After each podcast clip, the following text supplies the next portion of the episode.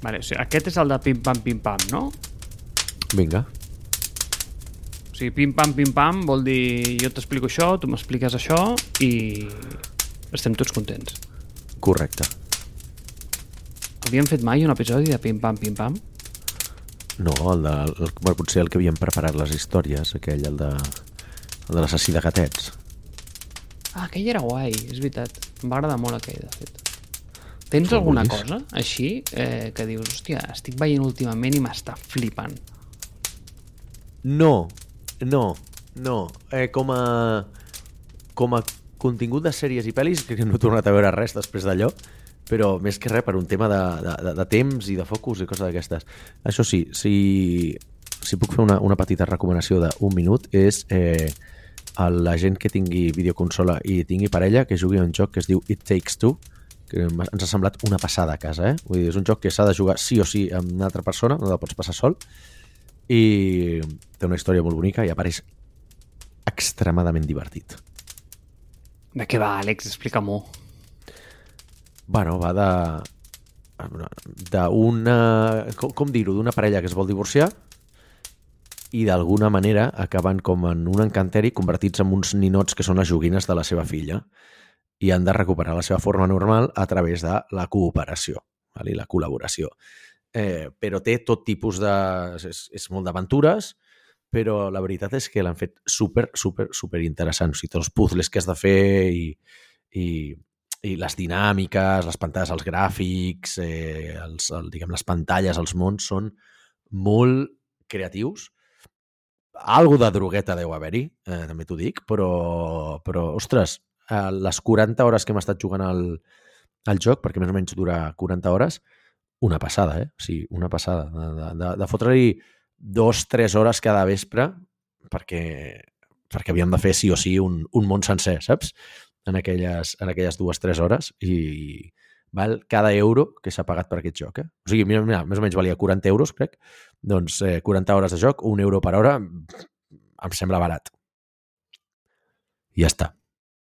Pues tu sabies que una de les recomanacions que jo et portava però que no et vaig explicar perquè no em va donar temps de fer, òbviament l'episodi es va fer llarguíssim, està molt relacionada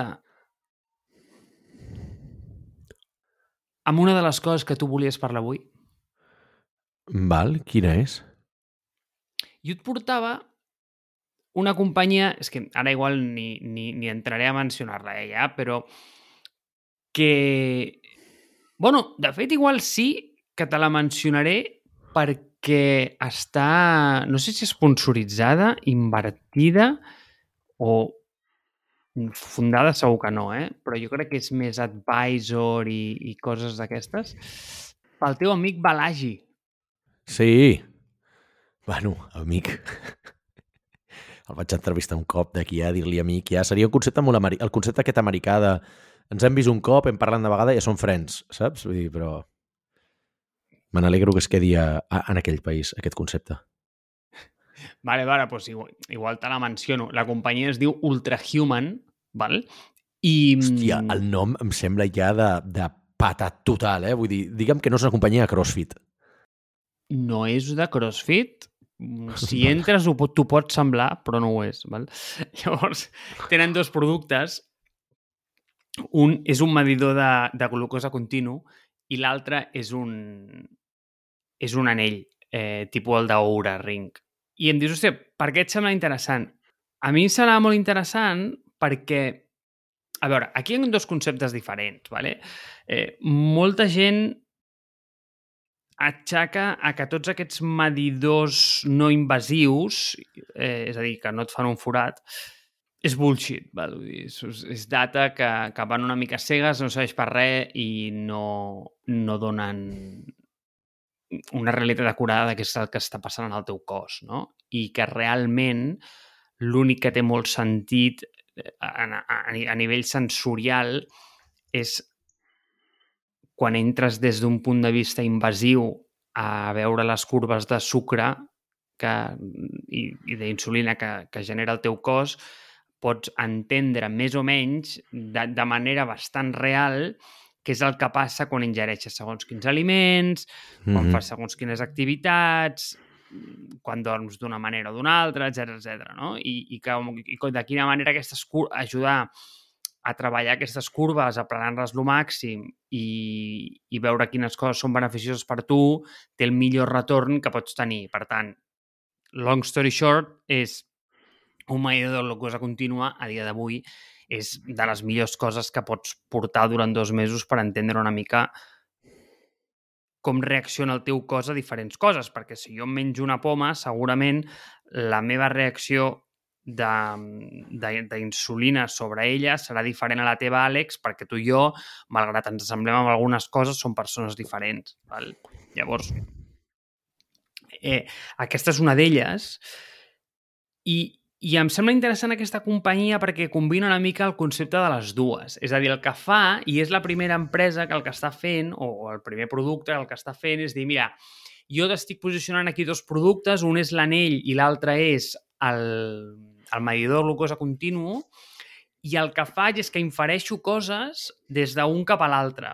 Llavors, en aquí sí que té sentit, perquè, per exemple, si en un tinc temperatura corporal, el puls ox la variació de la freqüència cardíaca, si d'aquí també infereixo la part de la glucosa i veig com està afectant això realment dintre del teu organisme, puc treure molt bones dades de què està passant amb tu, perquè tinc informació real i a sobre tinc propietats de segon ordre. Llavors, te la volia portar per això, perquè em semblava molt interessant per això i a sobre perquè estava sponsoritzada pel teu amic Balagi i em va semblar interessant. Però res, eres tu, en realitat, que em volies explicar alguna d'Apple. Bueno, avui ha sortit una notícia que és que es descobreix que Apple està entrant... bueno, està entrant, no, porta molts anys amb una companyia com es diria undercover, no? De Magatotis, probablement. Amb una, amb una companyia que tècnicament no estava associada a Apple, val? Eh, intentant desenvolupar aquest eh, sensor, aquest medidor de glucosa eh, sense pun punció, pun com es diu, tio? Sense punxades, bàsicament, no? Eh, sembla ser que ha passat la... bueno, està en, en l'etapa de, de prova de concepte, val? però s'ha descobert una miqueta el timeline de les coses, no? M'ha semblat interessant perquè tu que ets un friqui d'Apple, doncs segurament coneixies algun d'aquests conceptes, o potser no. Es veu que Apple va estar subcontractant part d'aquesta recerca i alguns prototips a una empresa que es deia Rockley Photonics durant molt de temps, que, eh, doncs, que fan feien servir doncs, aquest tipus de sensors eh, supracutanis, imagino que es deuen dir, no? els que s'apliquen a la pell i que, pues, que monitoritzaven coses com la temperatura corporal, la pressió de la sang, eh, la el, el, les, les tendències de glucosa, l'alcohol en sang, eh, històries d'aquestes, el qual trobo molt interessant, i Després, la, la, cosa, la cosa més interessant és que bueno, Apple va deixar de subcontractar-ho, va tallar tota relació comercial amb aquesta empresa i després es veu que van muntar el seu departament, vale? que hi ha un, un Exploratory Design Group, el que es diu el XDG, que porten molts anys treballant en això, centenars d'enginyers i enginyeres, el qual ho trobo fascinant, que una empresa que no es dedica a això li dediqui tanta recerca a aquest tema, per això que Apple té aquests cops amagats, i també crec que és eh, una derivada de les grans empreses que realment canvien el món és que no només fan merdes per destruir el planeta, sinó que algunes d'elles doncs, també tenen iniciatives que el que faran és perllongar la nostra vida, no només al planeta, sinó la nostra vida com a humans. I una d'aquestes és Apple. Val? I aleshores a mi m'agrada perquè arriba en el... O sigui, tu i jo ja havíem discutit el, el tema aquest de, de per què l'Apple Watch és un dispositiu mèdic i no és un dispositiu d'esports, no és un rellotge, no? no és una, sinó que és un dispositiu mèdic. I això enllaça amb una altra cosa que volia portar. Tu coneixes Brian... Uh, hòsties, ara, ara em rellisca el nom, eh? però diria que és Brian Johnson. Et sona d'algú? No. Vale. Estic, estic buscant, no? Sí, eh, sí. Ah, exacte, sí, Brian Johnson, perquè és que no, no volia, no volia cagar-la amb el nom. Brian Johnson és eh, la persona que va fundar Braintree, val? Que és una empresa, una empresa de pagaments que en el seu moment doncs, competia amb Stripe i tot això, que va acabar sent venuda a PayPal. Val? Eh, aquest tio ha fundat diverses coses, a part d'això, però la veritat és que una de les coses que està fent que em sembla de, de, de, de bojos total, val? que surt com a derivada d'un fons que va crear el d'inversió que es diu OS Fund, que el que fa és invertir en, en life science, en, la, en, en medicina regenerativa, en, en com allargar la, la, la vida del, dels cossos dels humans, val? el tio ha creat una web on es, que un projecte es diu Blueprint, que el que fa és publicar, o sigui, fer públiques totes les seves dades corporals. Val? O sigui, està treballant en... Eh, diu que ell ja ha assolit el parar l'envelliment del cos i el que està començant a treballar és en revertir l'envelliment. Val? A partir d'una sèrie d'exercicis, lo típic, no? les flipades típiques de meditació, exercici, dutxes fredes, collonades d'aquestes, però, clar, tu veus el pavo i dius, sembla un, sembla un superheroi, saps? Vull dir, ara en qualsevol moment et fot un guantazo i et gira la cara, saps? Però, si vas a la web, és que trobes totes les, les, mm, les medicions del seu, del seu cos, no? O sigui, ja no estem parlant de nivells de glucosa, sinó qualsevol tipus de proteïna, de, de, de, de, de component químic que té el cos està allà i està públic. Em sembla una bajanada i no ho sé, saps? Vull dir, potser aquesta persona, o sigui, tinc la intuïció que aquesta persona sap més coses que jo, evidentment és una persona 10.000 cops més intel·ligent que jo, per tant m'agradaria saber que està en el cert en aquest tipus de coses. Posar només una miqueta d'ombra de dubte en dir a veure si el que has aconseguit en revertir l'envelliment en realitat és compensar el desgast que vas tenir com a emprenedor, psicòpata, eh, que treballaves 20 hores al dia val? i que t'havies cascat moltíssim i no sigui això el que has parat i no l'envelliment. Però bueno, saps? Per això m'agrada posar sempre una miqueta d'ombra de dubte tot el que diuen els fundadors de startups perquè està ple de mentides, generalment, i de flipades. Però si extreus la part important, la substància de tot això, veus que doncs, Peter Thiel, Jeff Bezos, aquest senyor i molta altra gent estan treballant molt en el camp de la, això, no? d'allargar la vida la vida dels humans ho trobo com que és un camp que cada cop hi ha més inversió, cada cop hi ha més iniciatives en aquest respecte i que està directa i, i, i directament i forta lligada amb, eh, amb temes com la, la batalla contra el, contra el càncer, contra les malalties que no tenen curació, etc etc. D'alguna manera eh, estem posant molt més focus que fa molts anys en la, en la medicina i crec que, hòstia, d'aquí poden sortir coses molt interessants. Fas cara d'estar-ho flipant. Sí, tio, m'estava mirant la pàgina del Brian Johnson. Aquest tio està... Aquest tio viu en el Matrix, eh? Sí, sí, aquest tio viu a 200 anys d'on estem nosaltres.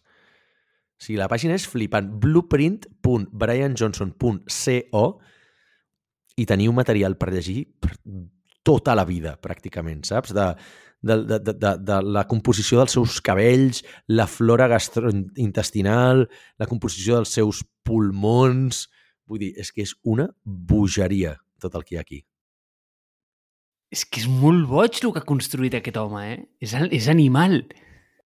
Bueno, eh, també et diré que quan tens els milions que té aquest pavo i tot el temps lliure del món, més rodejar-te de gent extremadament intel·ligent i els hi pots pagar sous exorbitats perquè, total, tens centenars de milions al banc, doncs potser sí, pots dedicar-hi uns milionets a fer això, saps? I, i dir, vinga, saps? Vull dir, evidentment que hi ha una part desinteressada i de, de progrés i de voler fer que siguem millor, una millor espècie, eh?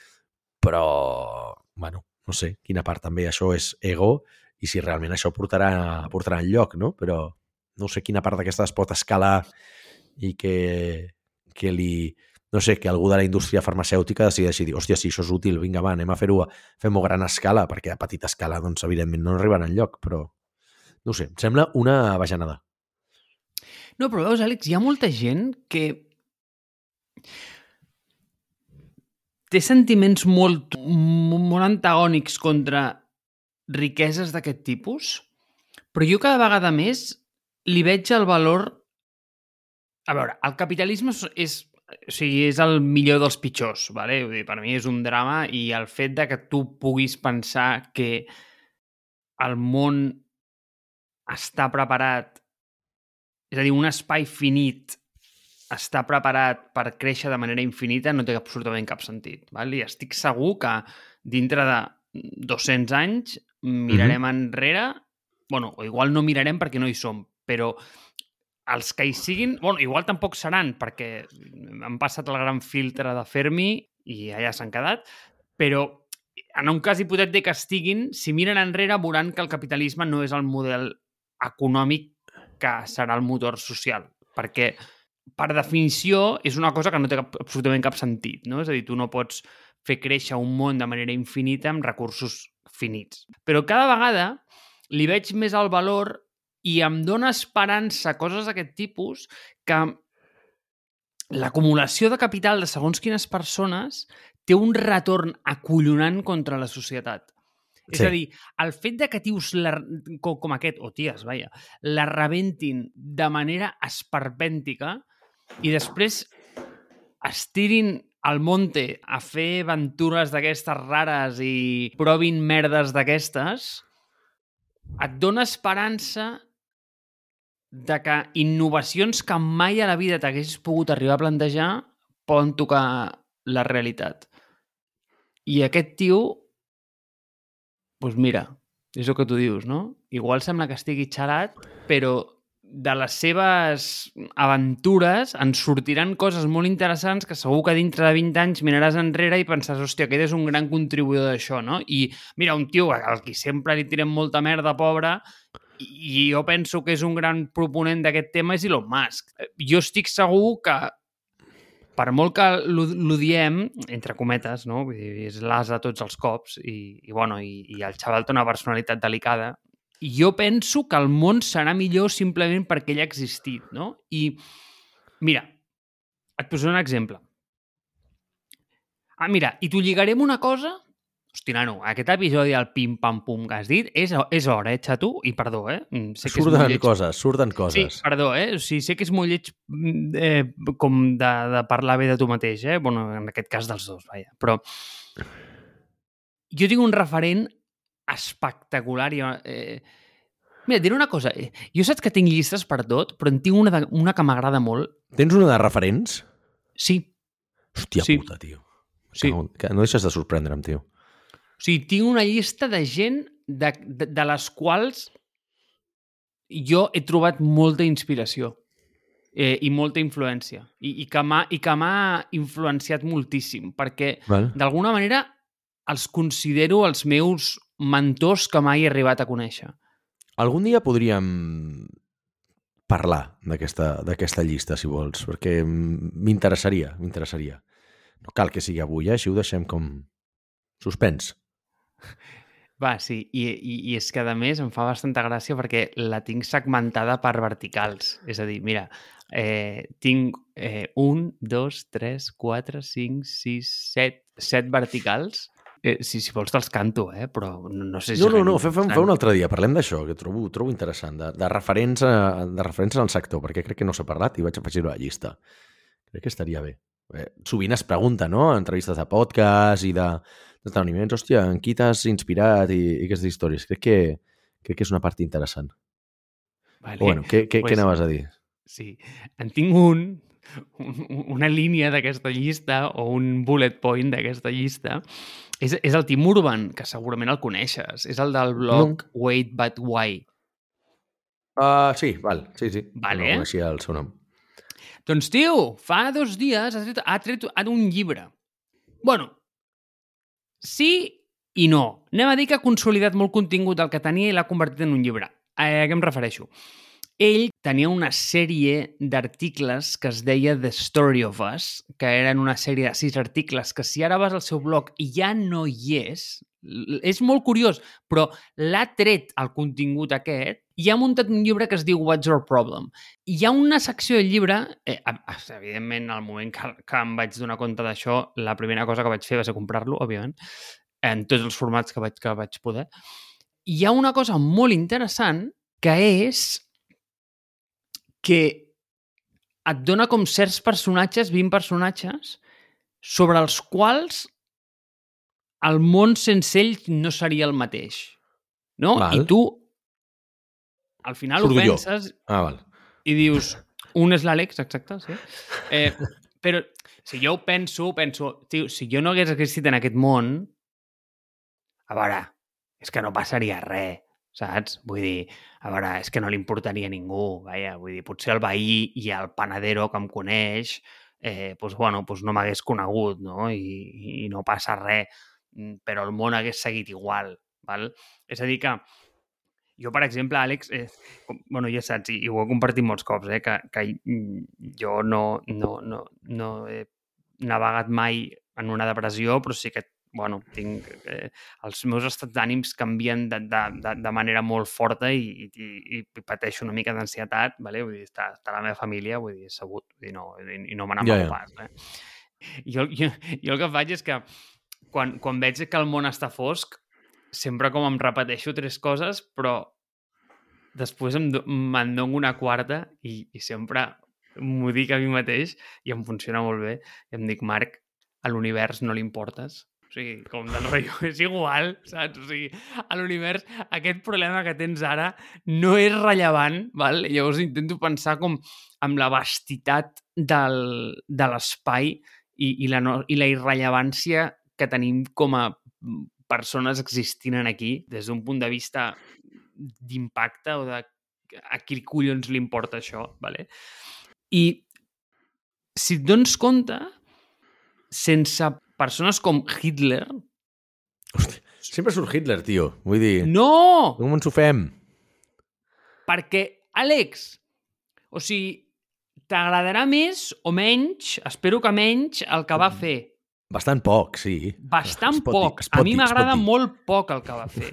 vale. Però és una persona que va aconseguir una autèntica barbaritat. És a dir, si ell no hagués estat en allà, i quan dic Hitler dic Napoleón, quan dic... Mm, al final, a, a, abans no es feien productes com l'iPhone. O sigui, abans el, el tio ja. conegut no era Steve Jobs. Abans el tio conegut... No. Era, no, clar, clar, clar. Abans el tio conegut era el tio que anava a la guerra, no? Llavors, és a dir, el món sense dictadors d'aquest tipus o sense líders com, com Churchill o, o gent així, segurament no hi hagués hagut un reemplaç de. És a dir, si en lloc del Marc hagués sortit un altre que es deia Pep, tio, el món no s'hagués preocupat gaire. Però si, jo que sé, si el dia que els pares del Hitler van fotre un polvo aquella nit mm, se n'hagués anat la llum i... Bueno, no sé si és el millor exemple, ¿vale? però sí. eh, si aquell dia s'haguessin discutit, igual hagués sortit una tia que en lloc de dir-se Adolf es diria Clàudia. I aquella persona tio, no és generat una segona guerra mundial. No sé si m'explico, eh? No, no sé si m'explico. Però vull dir, són poques persones les que al final acaben moldejant l'outcome de la societat. Amb el temps, m'estic donant compte que una persona que jo quan era jovenet pues, idolatrava, com tothom, eh, jo penso que tota persona jove idolatra Steve Jobs quan té 18 anys, perquè li posen el discurs aquell de Stanford i, i, i es fa palletes eh, a l'habitació, cada cop penso que ha posat més mal a la societat que una altra cosa. Perquè, tio, si venen els, els marcians i es donen compte de que caminem pel carrer mirant una matriu retroil·luminada de 5 pulgades, pensaran que, que què collons ens està passant? I, tio, penso que ell va ser com el proponent d'aquesta idea. I, tio, ha perpetuat una tragèdia. És a dir, que bo era el món quan el cavall de batalla de la telefonia mòbil era un Nokia N95. O sigui, quina autèntica meravella de planeta teníem. Eh, i ara, hosti, tenim una cosa que l'únic que ens fa és que ens han de posar línies al terra a travessera amb Montaner perquè no creuem mentre mirem el telèfon. És, d'alguna manera, està intentant evitar la... Com se'n diria, com, com, com se diria això?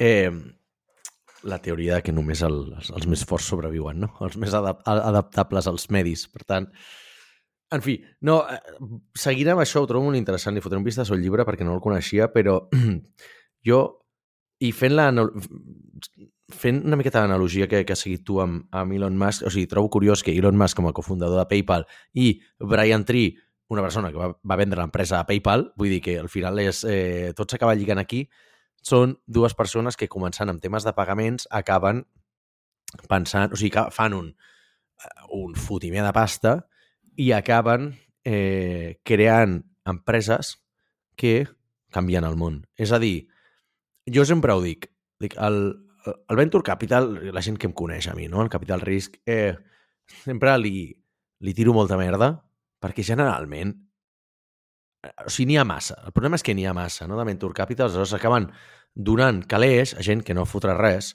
i acaben tirant pasta, que generalment és pasta privada, però de vegades hi ha, hi ha molts fons de Venture Capital que gestionen calés públics també, per tant, eh, estan tirant pasta als nostres impostos i els, eh, és una part que els inversors, eh, generalment ultraliberals, no eh, perceben com a diners tirats i ells veuen que, que Catalunya tingui ambaixades o que eh, se'ls doni, es doni eh, calés per eh, promocionar la cultura o polítiques de, de polítiques feministes, per exemple, eh, doncs això sí que es tira calés per ells, val? però fet aquí una miqueta la, la crítica social, on volia arribar és el Venture Capital fa que a certes persones que estan sobrequalificades o sobradament qualificades per canviar el món, els hi dona una oportunitat. Normalment no en la primera empresa a la qual els hi donen la pasta, sinó eh, ajuda a que faci una empresa, la muntin, l'escalin, la venguin, sigui una bona venda i amb els calés de la següent, o sigui, d'aquesta venda, aquesta gent poden després canviar el món, no? O sigui, crec que per mi és un dels valors fonamentals del de, que hauria de ser el Venture Capital és el d'invertir en gent que pot canviar el món, perquè doncs, al seu moment doncs, van invertir en Mark Andreessen, que va crear Mosaic, que acabaria sent un dels primers el primer navegador d'internet amb interfície gràfica popular, eh? No sé si n'hi havia hagut un altre abans, però el que es va popularitzar... Hòstia, aquest home va canviar la humanitat. O sigui, va fer que eh, internet deixés de ser una cosa per friquis i militars, eh, valgui la redundància, eh, per passar a ser una cosa de masses, no? Doncs el mateix que eh, va doncs el mateix que ara està inventant el tema de perllongar la, la longetivitat de, de la, de la vida del cos humà o l'exploració espacial o les energies renovables o altres tecnologies que puguin millorar les nostres condicions al planeta. Per tant, trenquem una llança a favor del Venture Capital. Sí, fan això i eh, deixen d'invertir en merdes com el quick commerce, eh, que no, això sí que trobo que no li millora la vida a ningú, és més, crec que tenen un impacte negatiu en la, en la societat. No sé si estàs d'acord amb el que he comentat, però... Sí, però veig una tendència. A veure, a, a veure, què, a veure què en penses. Perquè... A veure, sorprèn-me. A veure, milionaris n'hi ha en totes les indústries.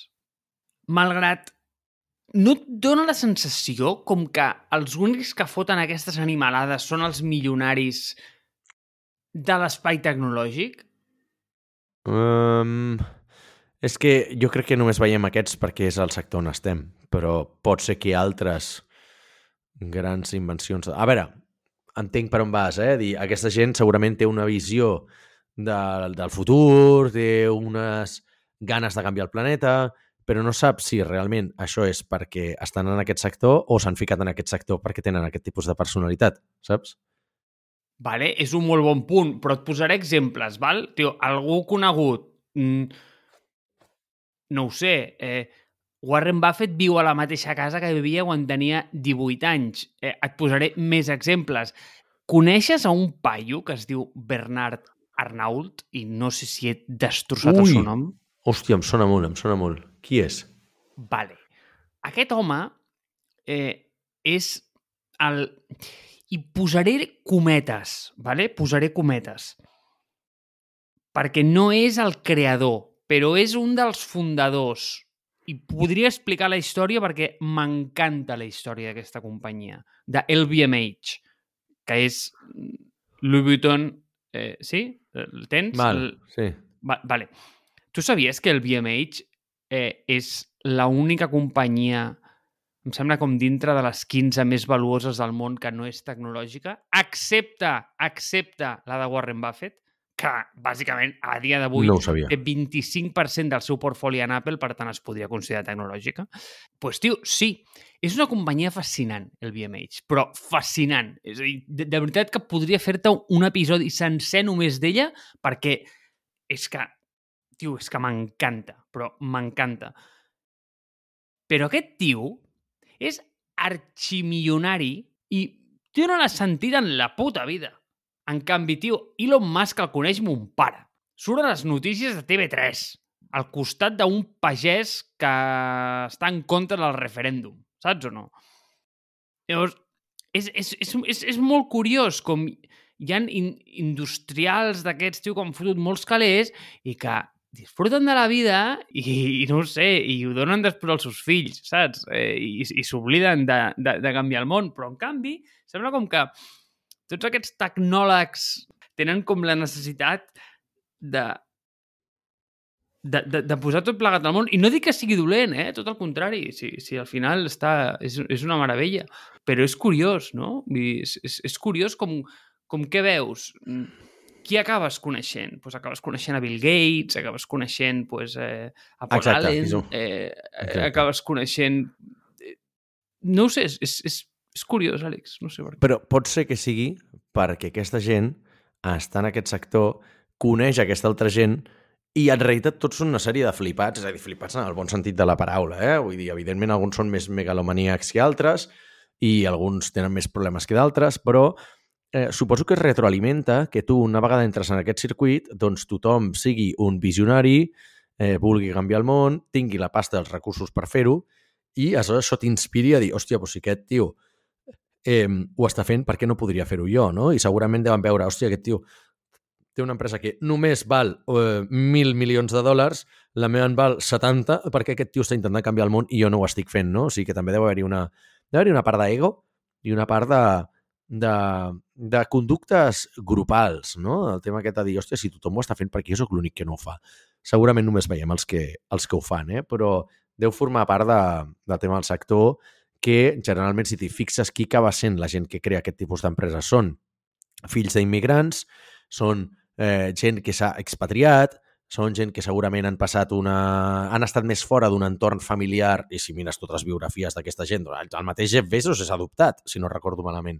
Vull dir, eh, Elon Musk és expatriat de, de, de Sud-àfrica, els d'Uber també són de fora, o sigui, tothom, tothom, qui més qui menys, és de, és de fora, no? Vull dir, potser l'única, una de les úniques excepcions en el sector tecnològic és Mark Zuckerberg, que al final és un típic home blanc heterosexual de tota la vida de per allà, que, mira, doncs ho ha fet, no? Però la resta, hòstia, els de Google, sense més lluny, doncs també són expatriats. Em, versus els sectors més tradicionals, com comentaves tu, sector industrial, sector farmacèutic, sector assegurances, que són sectors que solen ser més eh, negocis familiars que es passen de, de pares a fills, perquè ens entenguem, i, i, i, i dit així, perquè és de pares a fills, mai de pares a filles, eh, però, o de mares a fills, però el, el que vull dir amb això és que hi ha menys continuïtat no, en el sector tecnològic, o sigui, ja de per si és molt més disruptiu perquè no, no vens encursetat amb la tradició familiar, això no es pot tocar, hi ha un board que, en realitat, segurament el board d'empreses com eh, Estrella d'Am doncs són la, la mateixa gent que va al sopar familiar, val? o de Banc Sabadell, per dir alguna cosa, eh, perquè són sectors molt més tradicionalistes i més conservadors i més i, i entorns més familiars no? que en els que estan muntats sobre Venture Capital i dintre del sector tecnològic que al final molta d'aquesta gent no fa el que feia son pare i sa mare, sinó que dediquen a crear-se una altra cosa perquè és el que és el que han cregut que havien de fer i no i generalment són gent que ve rebotada d'algun sector. De fet, l'única excepció, una de les poques excepcions que, que em ve aquí és el, el subnormal del Gary Vaynerchuk, vale? que és el tio aquest que tothom eh, compra i engulleix el, el seu consell de merda, que és un tio que el que va fer és heredar les bodegues de son pare, saps? I se les dona que és el gran emprenedor de la història. Evidentment que ho va escalar i, i és un geni del màrqueting i tot el que tu vulguis, però voler crear, crear, tampoc ho has creat tu, no? Eh, vull dir, aneu en compte també amb els referents que, que tinguem.